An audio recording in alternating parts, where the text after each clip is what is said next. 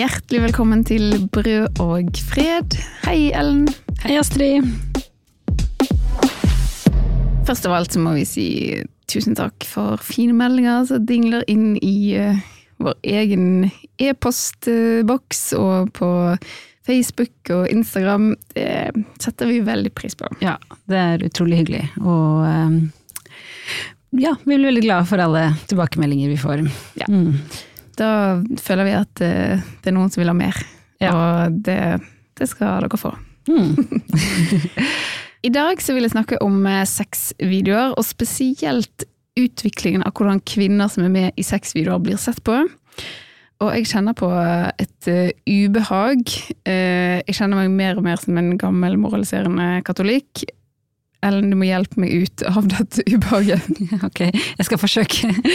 ja. Men uh, først må vi snakke litt om den pågående svenskifiseringen av denne podkasten. Ja. Sist var det semlor. Nå har du fått med deg eh, meg til Sverige. Ja, det stemmer.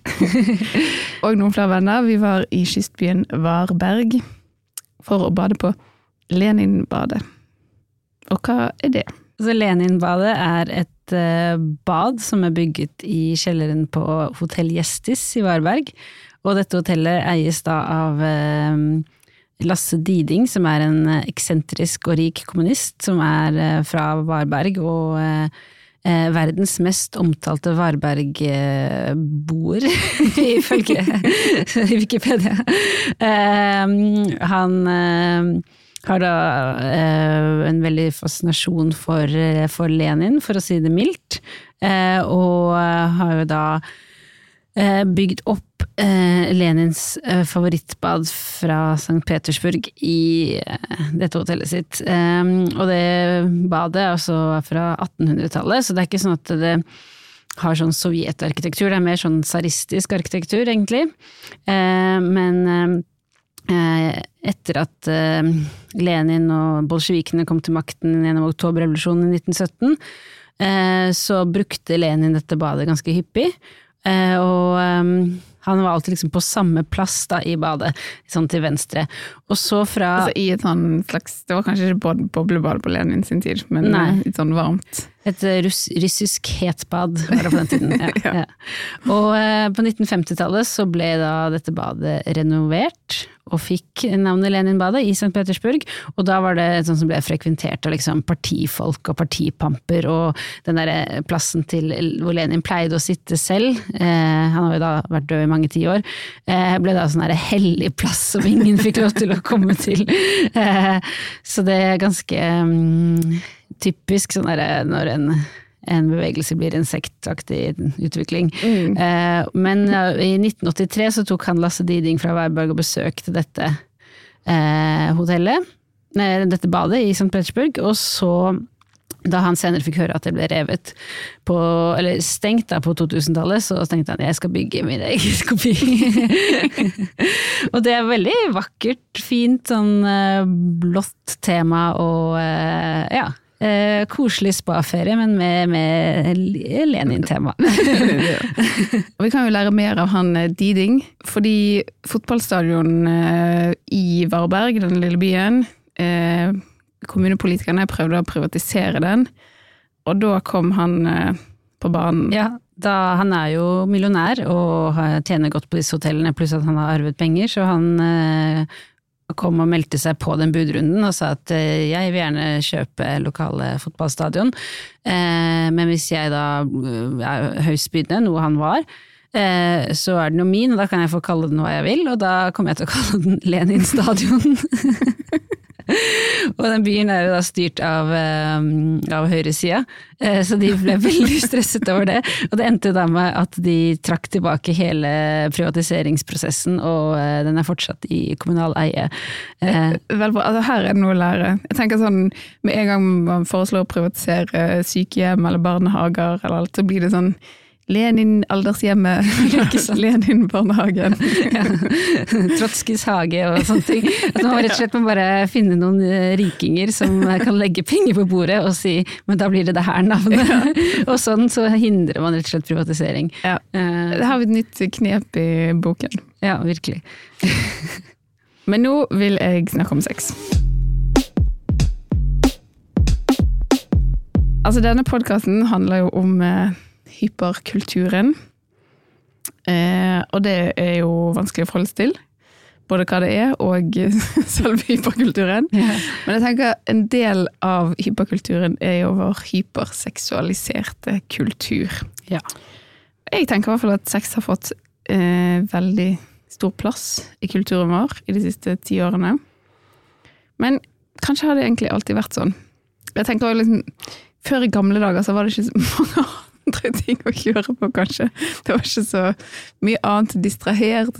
De hadde, liksom, hvis vi skal litt langt tilbake, det var ikke så mye Mm. bøker og filmer å snakke om. Nei, nei, nei. Så en av de kjekke tingene de kunne gjøre, var jo å ha sex, og Mm. kanskje bodde folk veldig tett. Eh, folk, eh, i hvert fall i gamle sånn hus som man finner rundt om i Norge, sånn vikinghus, så bodde jo alle i samme hus. Mm.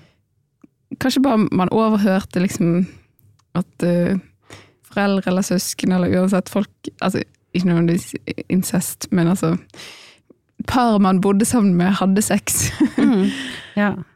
um, du har jo også snakket om løsslupne og sexglade antikken.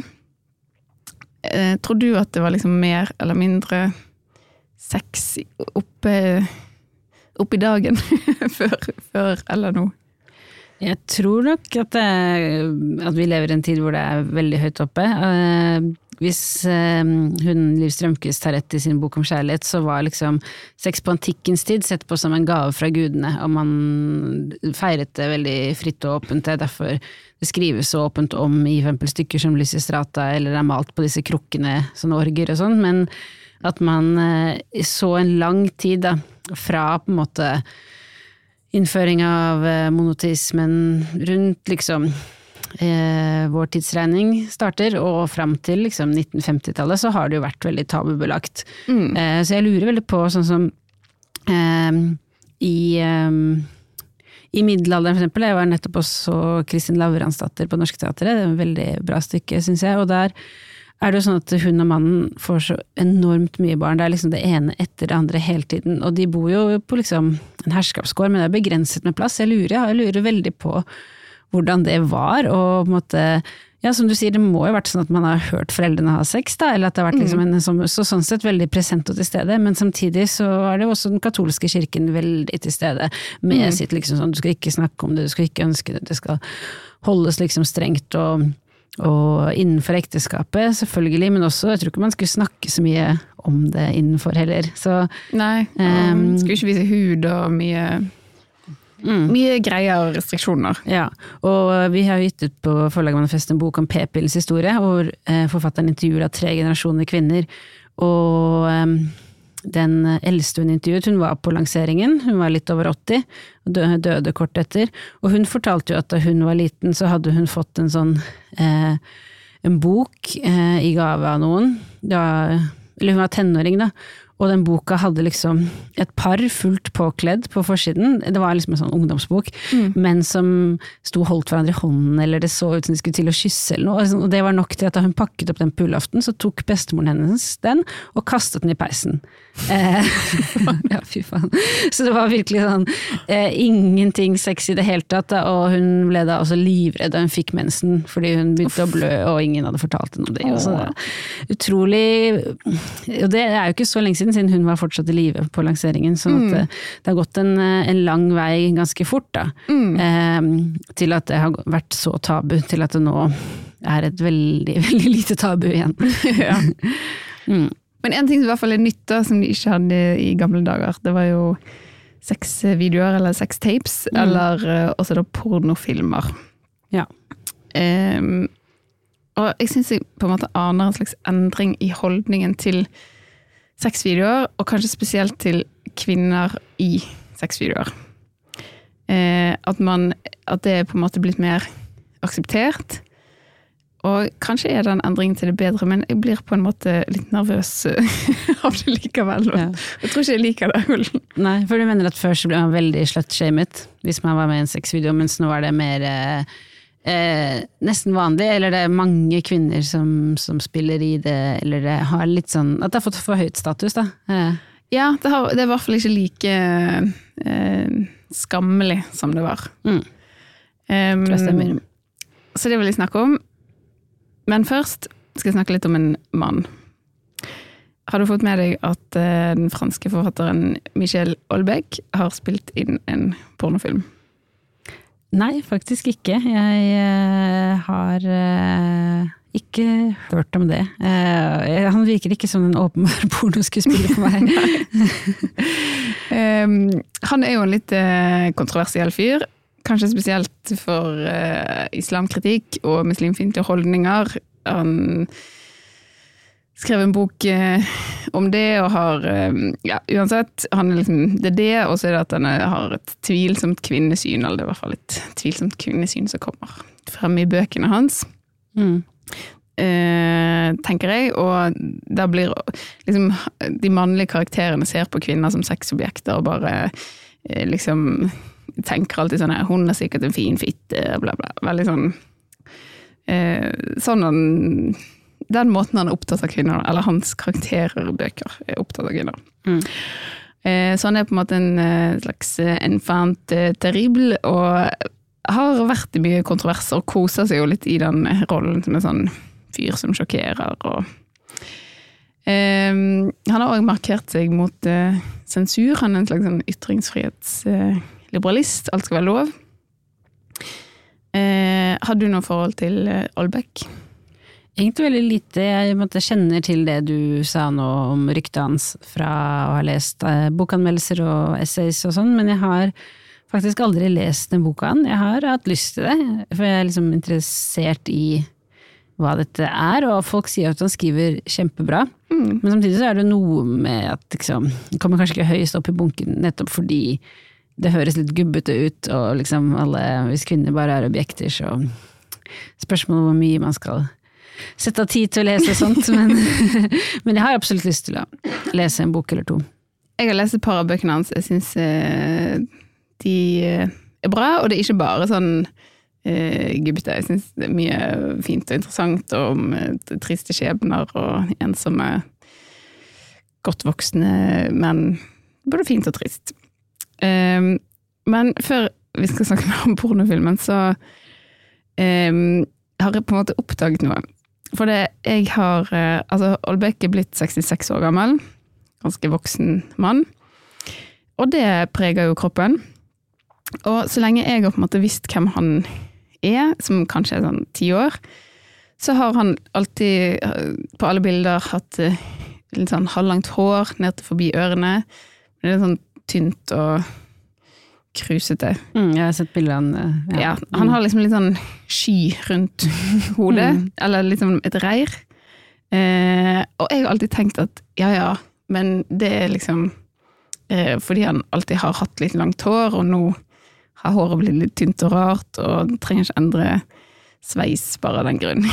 Nei, ikke sant. Ja. og det samme har jeg tenkt om Dag Solstad. Han har jo sånn tynt, pistrete hår, og tenkt han har vel alltid hatt langt hår, da. Og det holder han på selv om håret er litt fjonete.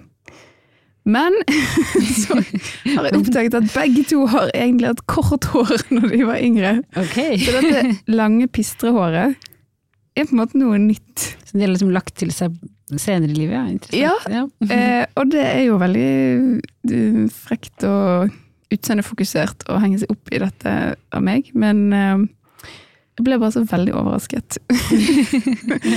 For da, da er liksom dette lange skyhåret veldig sånn selvvalgt og på en måte litt sånn et aktivt valg. Ja, ikke sant. Jeg det ikke akkurat det er sånn norm i samfunnet at, at menn skal ha det. Nei, det er Nei, ikke det. og, og særlig ikke når det begynner å bli mye tynnere, så pleier jo de fleste heller å barberes av seg alt, eller holde det kort, da. Ja. Ja. Så, men eh, det er vel kanskje at de for all, alt i verden ikke vil ha måne, da, som gjør at de kanskje ser enda eldre ut. Jeg vet ikke. Mm. Eller at de kanskje vil ha en slags sånn konstant mengde hår. Så når det blir tynnere, så må det i hvert fall bli litt lengre. Kanskje det. Men eh, bortsett fra, eller kanskje i tillegg til hårsveisen, så oppfyller på en måte ikke Olbæk de snevre skjønnhetsidealene vi lever med i vår tid. Nei, det var en fin måte å si det på. Men det gjør ikke at han øh, tenkte at kanskje folk ikke var så interessert i å se han i en pornofilm. han, han stilte opp. Ja. Og det krever jo litt selvtillit. Og det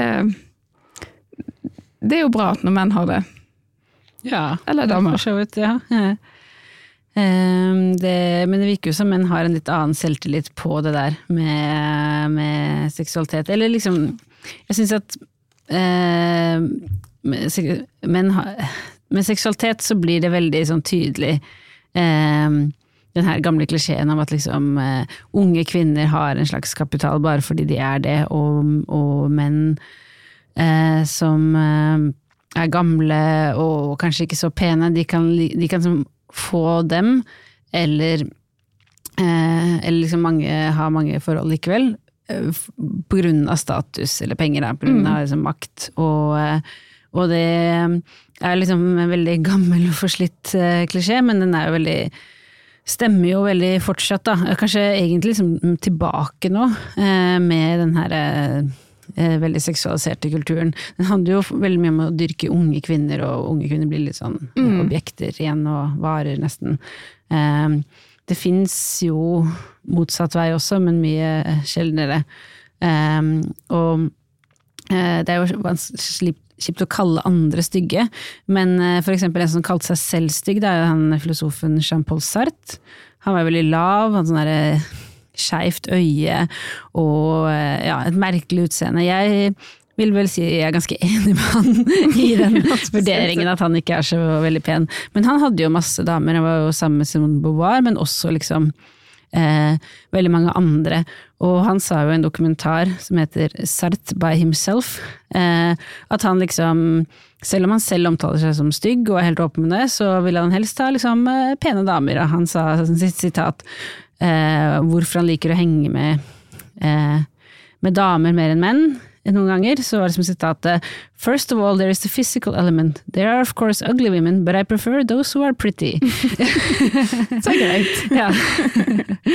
Veldig greit. Og jeg tror nok egentlig mange damer også foretrekker pene menn, men, eh, men status og penger trekker jo også, da. Eh, eh, sånn at eh, og, altså, Jeg tenker liksom Michelle Holbeck har spilt inn en, en sexfilm, men det ville han jo bare de, fått gjort. Den muligheten har han jo fordi han er en kjent forfatter, en ganske rik forfatter, vil jeg tro på dette tidspunktet, eh, siden han er en internasjonal bestselger. Det er jo ikke sånn at eh, alle 66-åringer har den muligheten, liksom. Nei, det, det tror jeg ikke de gjør. Eh, men han har jo spilt inn denne filmen, da. Men nå eh, går han og eh, konen til sak for å få prøve å stoppe denne filmen. Den skal etter planen ha premiere 11. mars. Eh, og det er ikke en helt sånn helt vanlig pornofilm. Den er da laget av den nederlandske regissøren Stefan eh, som er en del av kunstnerkollektivet KIRAK, eller Keeping It Real Art Critics. Ok. Eh, så, så det er ikke Det ikke var Ja, uansett. Det er et litt sånn kunst slash sexvideo-pornoprosjekt. Ja. Eh, men grunnen til at Olbeck nå vil stoppe filmen, er at når eh, traileren ble sluppet, så påstås det at Olbeck eh, fortalte liksom til den regissøren at han var så lei seg fordi han måtte avlyse en ferie i Marokko. Og grunnen til han måtte avlyse, var da, eller det ble hevdet i denne traileren, at han fryktet å bli kidnappet av ekstreme islamister. Eh, fordi han hadde sagt noe kontroversielt om islam ikke så lenge før. Eh, og det var veldig dumt. Spesielt også fordi konen til Olbæk hadde brukt så lang tid på å arrangere prostituerte i Marokko foran, eller til han. Okay. Og nå gikk han også glipp av dette, så det var liksom triste greier.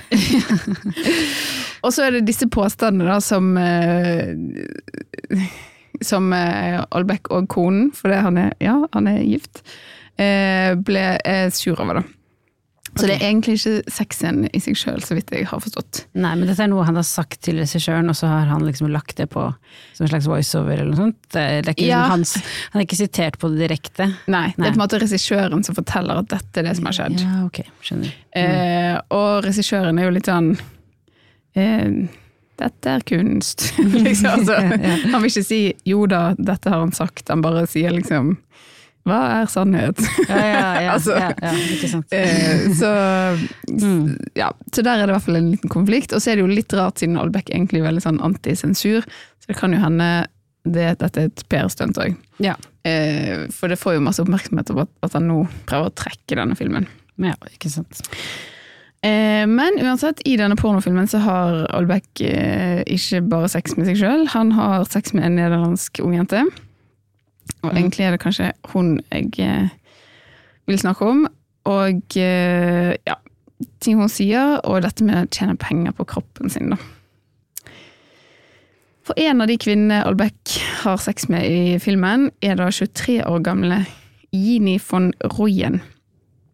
Eh, det skal da være fem unge kvinner som han har sex med. Oi. Eh, vi får bare se hun her i traileren, da. Og eh, Natt og Dag, eh, denne eh, gateavisen Ja. som jeg tror har gjennomstått litt, Ja. de har da fått et intervju med von Royen gjennom å kjøpe et abonnement på Onlyfans-kontoen hennes. Ok. Ja, for Onlyfans, det er sånn eh, slags Instagram-betalingsmur, omtrent. Hvor man Ja. på en måte eh, betaler Så det er derfor det er det navnet kommer fra. Det er bare fans som får se. Ja. Og, og man blir en fan ved å betale litt, og da er det ofte liksom eh, adult content, som det heter. Altså Ja. liksom stripping eller eh, sex og sånne ting.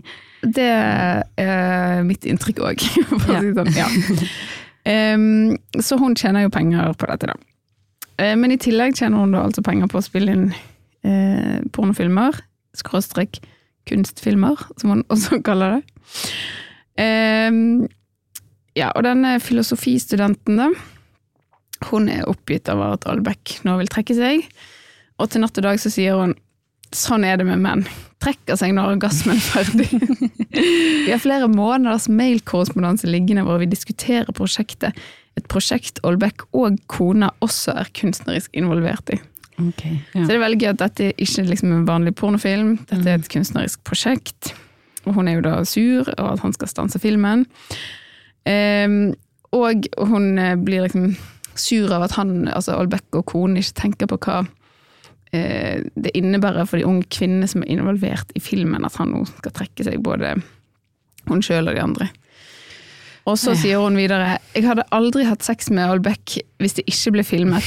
Det var jeg klar på helt fra begynnelsen. Jeg har nesten ikke sex uten at det filmes i det hele tatt. Typen min må mase på meg for at det skal skje, liksom. Så jeg syns hele denne pressegreia er helt latterlig. Oi. Så hun har jo fått et eh, spesielt forhold til sex, vil Ja, jeg si. ja, ja, ja, jeg gjør det nesten ikke uten å bli filmet. Det, er, det er litt eh, nytt i kulturen, ja. Og, ja. Kjedelig for kjæresten. Ja. Eh, han får eh, sette opp mobilen sin på en stol da, med, på rekke, så, så kan det, blir det alltid filmet. Men eh, det, det er jo veldig virksomt, dette Per-stuntet. Jeg får jo lyst til å se filmen, Ja. eh, for det er liksom er det, herregud, kunst det, var det jeg tenkte mens du leste. Kunst, det nekter jeg å tro, men øh, la meg se, da. Ja. ja, man blir jo nysgjerrig. Mm. Um, men hun uh, von Royen uh, Hun er jo da en dreven pornoskuespiller, virker det som. Eh, Siden hun aldri vil ha sex hvis hun ikke blir filmet. Um, men hun studerer jo filosofi, og har skrevet filosofioppgaver om egne porno-kunstprosjekter. Og så spør Natt og Dag hva er sex for deg? Og da svarer hun hva er sex? Ja, på en måte tenker jeg at sex i seg selv ikke finnes. Oi. Sex er bare skam og misforståelser. Men det å ha sex med noen er en måte å bli kjent med mennesker på. Det er å se noe ved et menneske man aldri ellers man aldri får se ellers. Når jeg filmer at jeg har sex med folk, som Lucassen eller Albeck, og Lucassen var en annen kontroversiell episode, eller en fyr som hun hadde sex med, det trenger ikke vi snakke om nå, Mm. så viser jeg frem en ny side av et menneske som jeg syns er veldig interessant. Ja. Når du sier ny side av et menneske, mener hun da seg selv, eller av dem? Liksom at hun får frem andre sider av dem? Ja, det det virker egentlig litt som det siste, at hun liksom føler sånn nå, nå får jeg sett en ny side av noen. Hmm. Og det er jo som regel sant det er med noen. Det er sant. Um, Men en ting som er litt gøy, er at hun også sier at uh, hennes uh, favorittfilosof er Nietzsche. Ja. Uh, og han er jo blant annet kjent som en av postmodernismens forfedre. Postmodernisme er jo sånn håpløst begrep å forholde til. Mm. Men litt sånn kort og greit så handler det om å stille spørsmål ved vedtatte sannheter. Eksempel si sånn Finnes egentlig sex? Ja, sånn, ikke sant. Ja. Og si sånne ting. Ja. um, og han skrev òg da 'Tragediens fødsel'. Uh, og der skriver han om hvordan tilværelsen er liksom en strid mellom det intellektuelle og rasjonelle på den ene siden, og det kunstneriske, ekstatiske og irrasjonelle på den andre siden. Og dette oppsummerer på en måte hennes syn på sex. da. For i tillegg til at hun er sånn kunstnerisk, sex fins ikke, det er bare skam og misforståelser, men det er også interessant og en fin måte å bli kjent med noen på, så har hun òg et veldig sånn rasjonelt forhold til det. For hun sier òg i dette intervjuet Men samtidig tenker jeg på sex som en måte å utnytte en ressurs, nemlig kroppen min. Mange jenter har et veldig vanskelig forhold til egen kropp og seksualitet. På et vis er det min Eh, på et vis er det en frigjøring fra alt dette. At kroppen min er en ressurs som jeg kan forvalte, og kan tjene penger på. Det var et veldig sånn eh, rasjonelt og materialistisk eh, syn på egentlig seg selv, da. Mm. ja. det, er veldig sånn eh, eh, si kommunistisk teori, men altså eh, eh, Marxistisk teori da, sier jo liksom at eh, kapitalismen hele tiden ser etter nye ting som kan bli en vare, ikke sant. Ja. Så, at, uh, så fascinerende at noen bruker ordet ressurs. Det høres ut som en naturressurs, som en foss man kan legge i ja, ja. røret eller noe sånt, men nå har man funnet en, en ny ting, da, og det er sin egen kropp. Ja. Mm. Men hun virker jo som hun på en måte har eh, kontroll, eller er fornøyd. Hun har liksom funnet sin plass eh, i filosofien og kunsten og mellombeina til Albeck og andre menn. Og virker liksom tilfreds der, da. Og så er det jo på en måte, tenker jeg sånn, ok, veldig mye eh, prostitusjon og porno er jo eh, veldig ufrivillig og eh, liksom kjipt på absolutt eh, alle måter.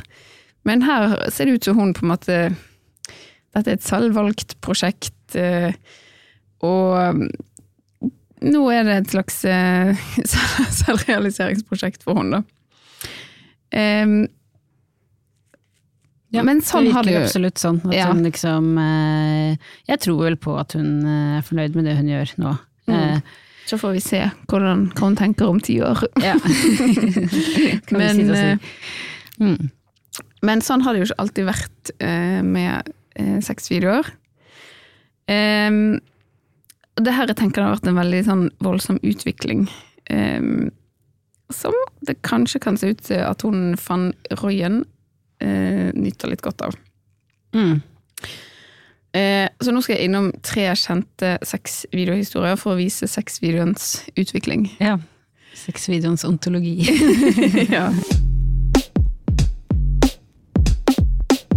Så er det en veldig viktig forskjell her, da. Og det er at i motsetning til hun nederlandske filosofistudenten, så ble disse tre filmene ikke spilt inn på en måte Altså, Den ble spilt inn frivillig, men ble ikke spilt inn for å vises til resten av verden. Nei, det var liksom sånn privat ting. Ja, mm. så, så, absolutt uh, litt uh, viktig forskjell der. Men vi begynner på 90-tallet med Pamela Anderson. Ja, kjent Kjent, kjent sexdame. Ikke sant, ja. Mm. Det kom jo nylig en dokumentar om henne der hun forteller om livet sitt, og vi får se masse sånn videoklipp fra hennes liv. Og eh, hun og eh, mannen Tommy Lee de filmet veldig mye av livet sitt. Så egentlig veldig koselig ut. Og eh, de eh, filmet også når de var på bryllupsreise, eller diverse ferier. Eh, så de filmet òg når de hadde sex. Ja. Men dette var jo private filmer, og så ble en av de stjålet. Og spredt, og det var da mot Pamela Anderson og Tommy Lees vilje. Ja. Um, og dette var altså da i 1996. Og uh, begge to blir uh, lei seg, forbannet uh, av dette. Men spesielt går det utover Pamela Anderson, som både liksom karrieren bare stagnerer fullstendig. Og hun blir jo shamet veldig mye mer enn Tommy Lee, som er sånn dette, Hvorfor eh, var dette så rystende for deg? Du har jo uansett vist deg naken i Playboy. Det er det vel samme om vi får se deg ha sex på en film som ikke var ment for andre. Mm, Ja. det kan liksom bli litt sånn man har på en måte mye større grad tatt en kvinne litt, hvis man kan Mm. se sånn derre ha-ha, nå skal jeg se deg i en sånn intim situasjon, sett deg ha sex, og, og man måtte ha den derre, tror jeg, litt sånn gammel forestilling om eh, erobring da, på en måte også, hvor eh, sånn Tommy Lee er bare sånn ha-ha, du har pult Pamela Andersen, så kult, men Pamela Andersen er på en måte mer Hun er den som blir Mm. tatt, da, og, og dermed litt sånn Ikke offer, men objekt, da, mener jeg. Eh, i, føler jeg i hvert fall man tenkte på 90-tallet. Mm, absolutt. Mm. Eh, det tror jeg. Så for hun var jo dette en stor eh, tragedie. Hun tjente heller null penger på dette. Mm. Hun ville ikke ta imot noe penger for eh, på dette skitne greiene, eller liksom, ikke videoen nødvendigvis, men at liksom noen eh, gjorde noe så eh, rystende som å ta en privatfilm og spre den. Så det gikk jo veldig dårlig. Så, noen år seinere, kommer neste kjente sexvideo med Paris Hilton. Mm. Den ble da spilt inn når Paris Hilton var 19 år. Da lot hun sin 13 år eldre kjæreste, pokerspilleren Rick Salomon, filme når de hadde sex. Bra Rick pokerspill. ja.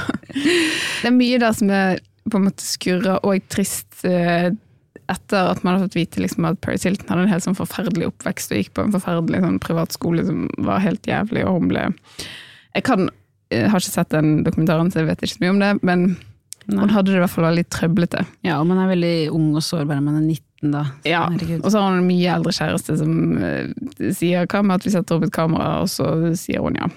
Mm. Og så når forholdet er slutt, så blir den filmen lekket, og han Rick eh, Salomon tjener masse penger på dette. Da har vi kommet til 2003. Ja. Dette er jo virkelig mot uh, Paris Hiltons vilje, og hun blir òg latterliggjort masse i mediene, fremstilt som en bimbo, Uh, og ja. Eh, veldig mye latterliggjøring og sånn. Samtidig så blir det jo en slags boost for Hun blir jo kjempemye mer kjent. Mm. Det rettferdiggjør selvfølgelig ikke at den videoen ble spredt.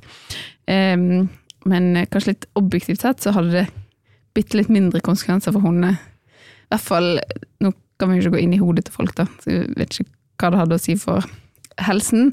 Men økonomisk og karrieremessig så var det nok litt mindre ødeleggende. Og hun saksøkte også eksen og fikk eh, 400 000 dollar pluss prosenter av salgsinntektene fra filmen, okay, som het ja. One Night in Paris. Mm. Uh, ja. Jeg husker det her. Uh, Jeg husker også at liksom, det var veldig mye sånn spøker om at hun var sexgal og sånne ting rundt det. Ja. Som er ganske eh, det er rart å tenke på, fordi alle har jo sex av og til, liksom. Men når det blir filmet og sluppet, så er det sånn å se på personen her. den er gal. Den er helt gal sprø. Ja. Mm. Men for hun så, så det skjer en liten utvikling, at det ikke er så ødeleggende for hun da. Mm. Og så er det en liten interessant detalj, eller digresjon, og det er om han eh, pokerspilleren Rick Salomon, altså denne veldig kjipe mannen, eksen til Hilton, som da slipper denne videoen mot hennes vilje. Mm. Utrolig rystende ting å gjøre. Hvem kan bli forelsket i en sånn mann? Nei. Pamela Anderson! ja, ok. Og det er så vanskelig å forstå at hun liksom ikke tenker sånn Det å gjøre noe så kjipt, som jeg sjøl har blitt utsatt for, og som hun mener liksom å ødelagt karrieren og ekteskapet til Tommy Lee Nei, en mann som har gjort noe sånt, han vil gifte meg med. Først i 2007, og så igjen i 2014. Wow, så turbulent. Ja. Eh, så Pamela Anderson var i hvert fall gift med han i to veldig korte ekteskap. Ja. Og det er ganske sjukt. ja, det er ganske sjukt, ja. For en, for en gjeng. ja, og det er kanskje alt bare det, mm, Man tenker verden er litt liten, for det også fins det en link til neste sexvideo, nemlig Kim Kardashians eh, sexvideo. Mm. For man lurer jo av og til på hvorfor ble egentlig Kim Kardashian kjent? Ja, godt spørsmål. For Pamela Andersen var jo skuespiller, spilte i Baywatch og alt mulig. Ja. Eh, Paris Hilton var rikmannsdatter, datteren til Hilton-skjeden og i reality-shows og sånn. Ja. Men Kim Kardashian har på en måte hun er, tilhører den nye type kjendiser som er kjent uten å ha gjort noe. Hun er ikke musiker, hun er ikke skuespiller, hun er bare, hun er bare seg Ja. Selv. Hun har Eh, på en måte litt dette sånn eh, rikmannsdatter eh, lighter. Hun er jo altså foreldrene Eller faren hennes er jo ikke like rik som Hilton-familien, regner med. Eh, eller i hvert fall ikke like kjent navn. Men faren var jo da advokaten Robert Kardashian. Og han ble veldig kjent eh, da han forsvarte OJ Simpson, som var siktet for dobbeltdrap. ja. Så det var en gigantisk rettssak i USA, men Kim Kardashian ble jo ikke veldig kjent av dette, egentlig. Men det hjalp sikkert litt å ha et sånn kjent navn. Men hun får liksom litt sånn småroller eh, etter hvert. Men det hun egentlig slår seg litt opp som, er at hun blir stylist for kjendiser. Mhm. Eh, og hvor tror du hun dukker opp? Jeg vet ikke.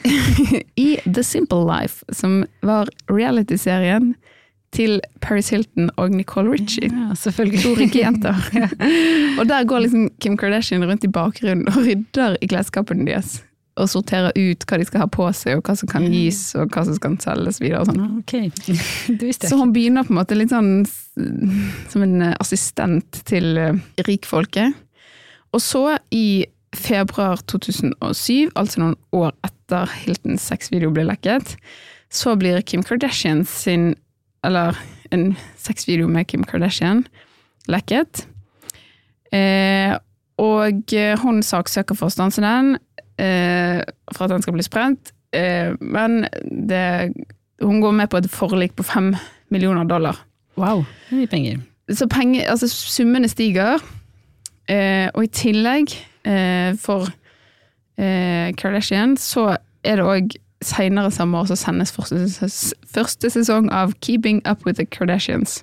Ja, så først så kom den sexvideoen, det var masse bråk rundt den, kanskje også masse bråk rundt eh, saksøkingen og forlik og alt mulig. Sikkert. Ja, og så kom eh, Så får de liksom eh. TV-serie. Ja. Og eh, resten av historien kjenner vi jo i hvert fall bitte litt. Hun er i hvert fall blitt skamrik. ja. Så selv om det har vært eh, sikkert emosjonelt rystende for alle disse tre kvinnene, så har det i hvert fall blitt mindre økonomisk og karrieremessig ødeleggende. ja, det virker sånn. Eh, ja. Mm, at det rett og slett har vært en utvikling fra liksom 90-tallet hvor det har vært veldig sånn slutshaming og eh, Skal knuse de, og de skal ikke få flere og- roller og ja. ja, til liksom at det er mer karrierefremmende, sexy og kult, liksom. Ja. Ja. Men og på en måte skulle man jo tenke, er dette en positiv trend? Eller er, det, er, er dette bare en sånn Dette er en flott utvikling eh, fordi kvinner kan tjene penger på sexvideoer som blir sluppet mot deres vilje. Mm. Um, litt vanskelig å være helt klar der. Ja, det er litt sånn um, Liv Strømke skriver også om Kim Kardashian i den boka i, i Speilsalen, som handler om kvinnelig skjønnhet, at det har vært en utvikling hvor da Marilyn Monroe liksom ble hele tiden fotografert av sånne mannlige fotografer som også utnyttet henne seksuelt og, og alt mulig, så tar Kim Kardashian sine egne bilder, hun har til og med gitt ut en fotobok som heter Selfish, med selfier. Eh, og blitt, så hun har på en måte blitt rik på å eie sin egen seksualitet veldig mye mer enn ja, enn Anderson, enn Marilyn Monroe osv.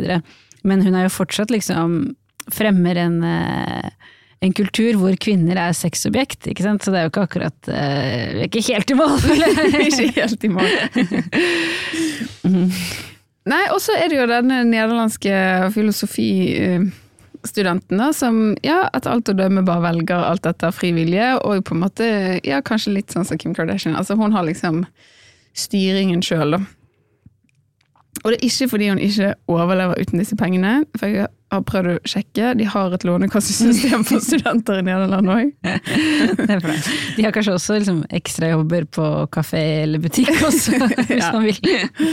Men heldig for hun eh, eh, van Royen, så har de også internett og eh, Onlyfans. Mm. Og eh, hun har da kontakt med dette kunstnerkollektivet. Og så blir det sånn, hvorfor kan ikke bare tenke flott, hun har funnet noe hun virker fornøyd med. Hun eh, tjener penger.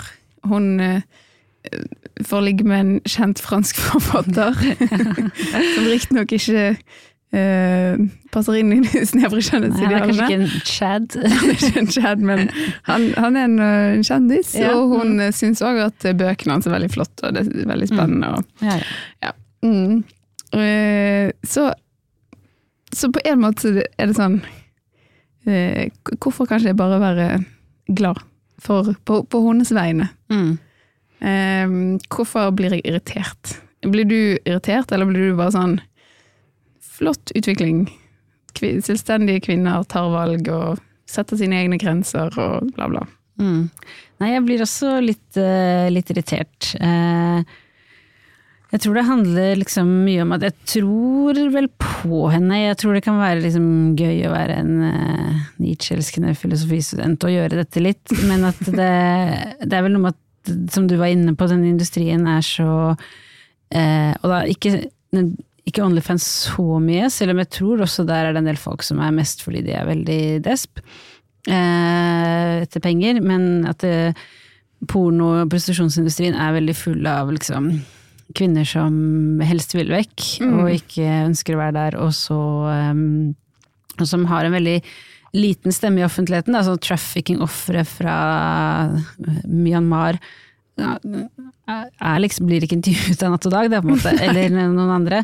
Eh, så det blir litt sånn at hun bygger opp en idé om at dette her eh, er så kjekt og fint med liksom kvinner som eh, som liksom uh, koser seg med dette, og, så, og da gjør hun seg eh, ved å holde på sånn litt til talsperson for andre, da, eller er med på å normalisere noe som jeg tenker er uh, problematisk. Altså, Klassekampen hadde jo en uh, kommentarartikkel av svenske forfatteren Kajsa Ekis Ekman 7. februar i år, og der siterer hun en studie, veldig stor, nysluppet studie, som har undersøkt eh, sexkjøpere i seks ulike land. eh, hvor det viser seg, og, nei, en annen, og hun har også gjort en tidligere studie av de som selger sex, og altså dette er eh, eh, en eh, veldig stor eh, ja, forskningsstudie, da, og der har de kommet fram til at 71% av de prostituerte har blitt utsatt for vold, og 89 vil forlate virksomheten hvis de kunne. Eh, 90% av kvinnene brukte bare negative ord for å beskrive eh, jobben sin, bare 7% brukte et eneste positivt ord gjennom et dybdeintervju. Da. Eh, så det er noe med at hvis liksom 89 vil vekk, 71% har blitt utsatt for vold, det er ganske alvorlig å bli utsatt for vold, ingen andre blir det på jobb, liksom. Eh, så blir jeg litt sånn irritert av at det kommer så lite fram, og den her ah, 'det er bare så gøy, jeg bare koser meg og blir rik', eh, kommer så veldig mye fram, da. Mm. Mm. Så er det jo ikke helt eh, på en måte det samme med Altså det er jo mye mer farligere å være prostituert, vil jeg tro, enn eh, å være med i en pornofilm. Absolutt, Fordi- det tror jeg også. ja. Ja. så det, det henger ikke helt sammen, eh, det henger litt sammen, men jeg mener jo også at dermed er prostitusjonsindustrien verre enn pornoindustrien. Mm. Men det handler jo om på en måte å selge eh, kropp, da, som hun òg sier. Kapitalisere, eller se på kroppen sin som en ressurs. Ja. Det er noe med det også, jeg syns ikke man skal se på eh, Jeg liker ikke helt den derre gjøre kropp sin følelser til en ressurs, da. Som, eh, som man gjør så mye i våre dager. Nei, så det er liksom, Hvis hun ikke syns det er liksom eh, Den ene liksom Hun begrunner jo liksom det at hun vil uh, ha sex med Olbæk og med sånne Det er så spennende måter å bli kjent med folk på. yeah. Hvis ikke den grunnen er nok, da, ja. Så kanskje det er best eh, for både hun og denne kjæresten, som aldri får for, uh, uh, Som hun tydeligvis ikke vil ligge med så ofte. Da. At hun uh, kanskje dropper uh, pornofilmer. Men jeg føler meg som en sånn moraliserende eh, person. Mm. Som er sånn nei til at folk og kvinner kan gjøre som de vil. Mm, ja, jeg gjør også det. Det, vel, det føles liksom litt eh, konservativt. Jeg har jo eh, en venn som er fra et uh, katolsk land. Mm. Eh, så når de liksom diskuterer med dette, så sier han sånn 'de høres katolsk ut', og da blir jeg så sint. Jeg bare 'det er faen ikke katolsk', liksom. Men, men, jeg tror for mange som har liksom vokst opp med en sånn dominerende religion og sånn, så føles det liksom religiøst og konservativt på den måten, og at man liksom kan fri seg fra det. og det Eh, men det er noe med som du sa, hun sier at hun vil liksom få frem en ny side i mennesker og Aalbeck og alt mulig, men hun sa jo også at hun ville aldri gjort det hvis hun ikke ble filmet. Ja, og handler, altså betalt, og betalt, si. Ja. Eh, så det handler jo om, om eh, penger, og det er noe med at hvis hun aldri ville gjort det uten å bli betalt og uten å bli filmet, så er det jo ikke på en måte sånn samtykkende sex sånn som vi tenker på det. Altså, mm. man eh, vil jo gjerne Eller når man liksom To mennesker burde jo ligge med hverandre fordi begge har lyst, liksom. Og når mm. man da sier sånn 'jeg har lyst, men bare hvis jeg får eh, 5000', så er det jo ikke egentlig liksom lyst-lyst, da. Nei.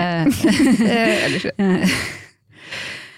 Men, eh, men, det er liksom både dette her som jeg føler med at eh, den type uttalelser legger eh, det blir til at de snakker på vegne, og, og, og hva heter det, eh, pinkwasher, da, en, en mm. industri som er ganske jævlig mot uh, mange kvinner som ikke har en stemme. Men det er også noe med liksom hvordan samfunnet ser på kvinner, da. Mm.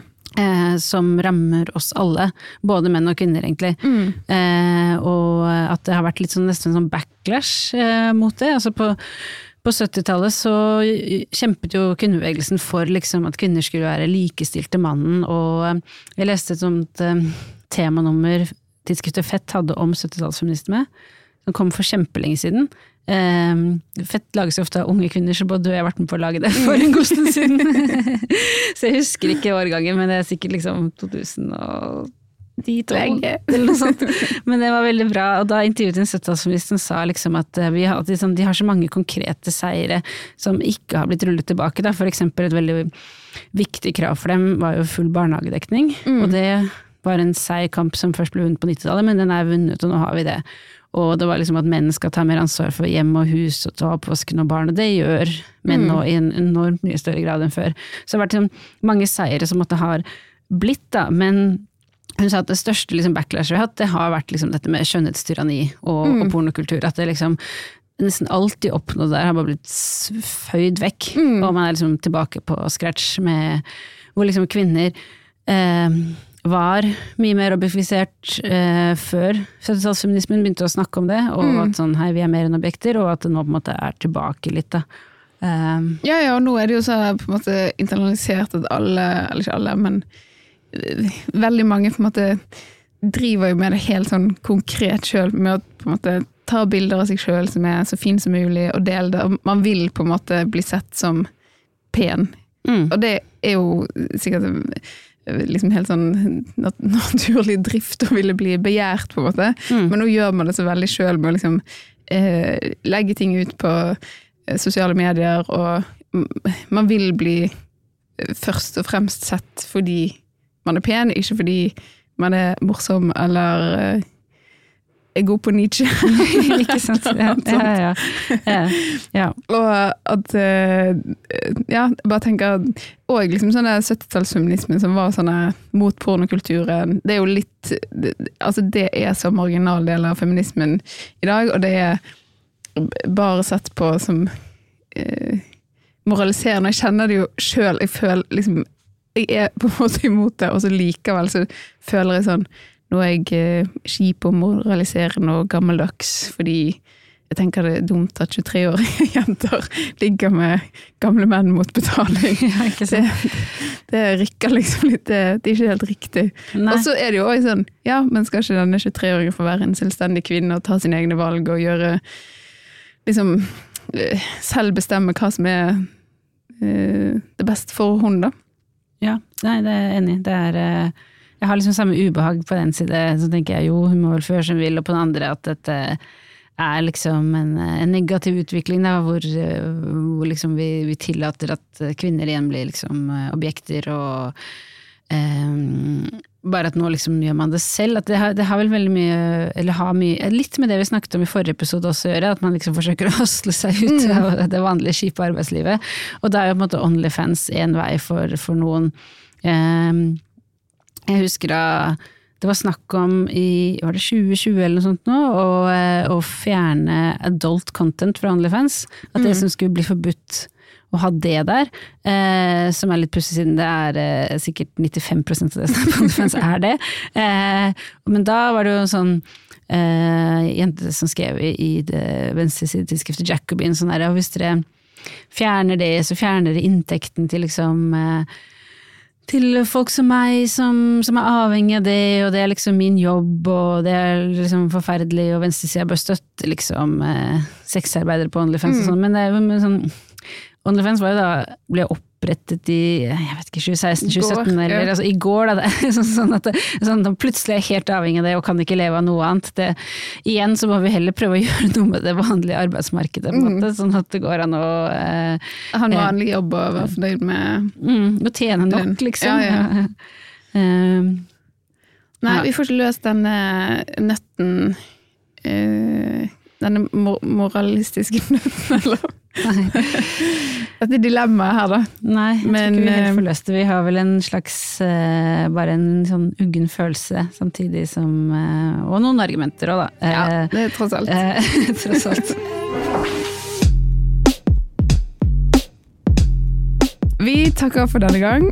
Hvis du har noen innspill eller ros, så tar vi veldig gjerne imot det på e-post. Mm. Brod og fred at manifestmedia.no no.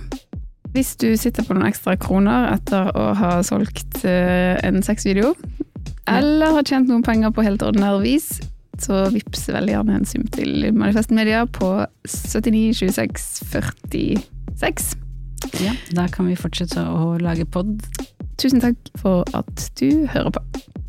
Ha det bra. Ha det bra.